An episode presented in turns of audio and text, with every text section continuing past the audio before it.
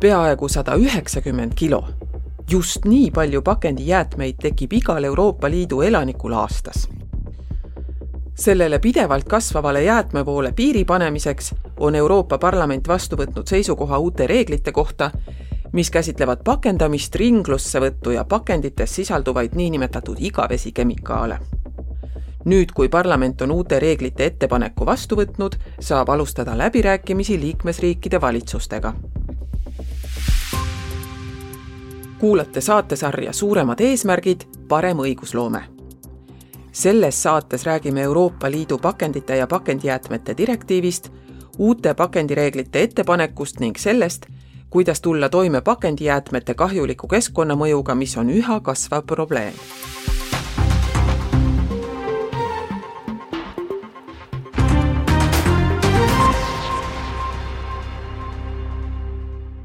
Pakendijäätmeid kuhjub aina kiiremini.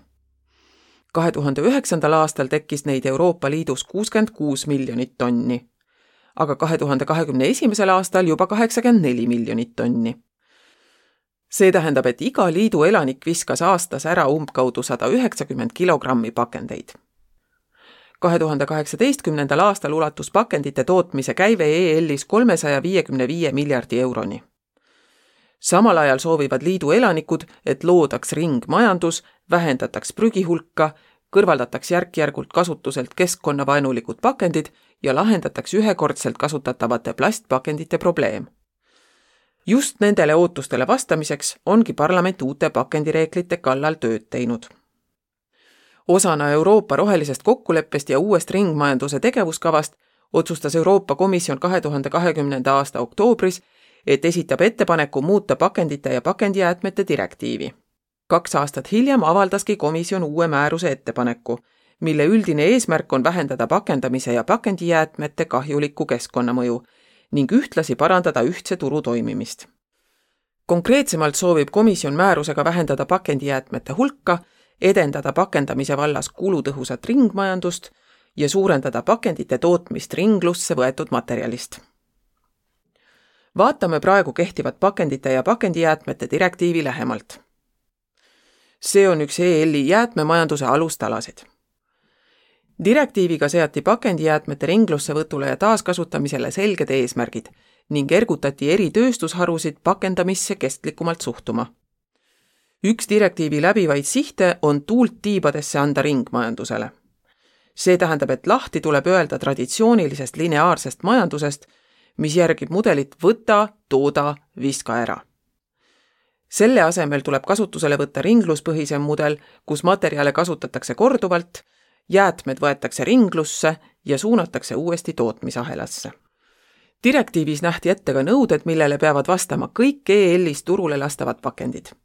näiteks ei tohi pakendi suurus ja kaal olla suurem sellest, mis on hädavajalik, et toode oleks rahuldavalt kaitstud ning tagatud oleks turvalisus ja hügieenilisus.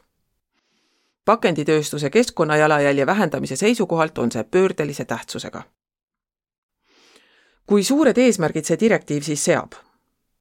praeguses direktiivis on kahe tuhande kolmekümnenda aasta eesmärk see, et seitsekümmend protsenti pakenditest võetaks reaalselt ringlusse või oleks korduskasutatavad. Lisaks seati kahe tuhande kolmekümnendaks aastaks eesmärgid ka konkreetsete materjalide kasutamisele. Nende hulgas on kaks materjali, mis on pakendites kõige enam kasutusel. plast, millest tuleb ringlusse võtta viiskümmend viis protsenti ning paber ja papp, millest tuleb ringlusse võtta kaheksakümmend viis protsenti uue määruse ettepaneku üldine eesmärk on aga vähendada pakendamist viis protsenti. Lisaks sellele soovib parlament kehtestada eesmärgid konkreetselt plastpakendite hulga vähendamiseks. Nendest eesmärkidest üks on vähendada plastpakendeid kahe tuhande kolmekümnendaks aastaks kümne protsendi võrra.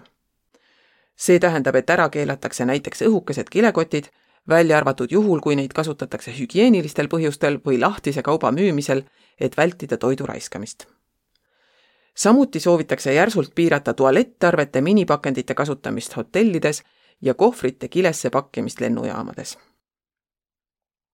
kuidas mõjutab see uus määrus ettevõtjaid ja tarbijaid?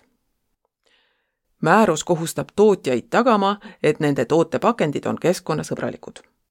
see tähendab, et nad peavad tähelepanu pöörama sellele, kuivõrd saab kasutatavaid materjale ringlusse võtta. samuti peavad nad arvestama pakendite üldise keskkonnamõjuga. inimeste tervise kaitsmiseks nõuab parlament, et uued reeglid keelaksid toidupakendites kahjulike ainete kasutamise. kuid kõik ei ole tootjate kätes, tähtis roll on ka tarbijatel. et reeglitest tõesti kasu oleks, peab igaüks olema teadlik ja vastutustundlik. kui inimesed teevad oma ostuvalikuid teadlikult ja eelistavad keskkonnasõbralikult pakendatud kaupu, on meie planeet kõigi jaoks parem paik. parlament tahab innustada inimesi pakendeid korduvalt kasutama ja uuesti täitma näiteks ettevõtjad, kes müüvad jooke ja toitu kaasa, peaksid pakkuma ostjatele võimalust osta neid oma nõusse. mis võib saada komistuskiviks? selliste reeglite järgimist tagada ei ole kerge töö. selleks peavad valitsused, tööstusharud ja tarbijad koostööd tegema. samuti on vaja uutmoodi pakendeid, ringlussevõttu võimaldavat taristut ja uuenduslikke jäätmekäitlusviise. Õnneks on paljud ettevõtted suunamuutuse juba omaks võtnud üha rohkem ettevõtjaid mõistab, et nende tegevus tuleb kooskõlla viia uue määruse eesmärgiga, olgu see siis kestlike pakendite kasutamise näol või tehes teadus- ja arendustööd keskkonnasõbralike materjalide vallas. uue määrusega tehakse tähtis samm kestlikuma ja keskkonnasõbralikuma tuleviku poole. see ärgitab meid oma tootmis-, tarbimis- ja äraviskamisharjumusi ümber mõtestama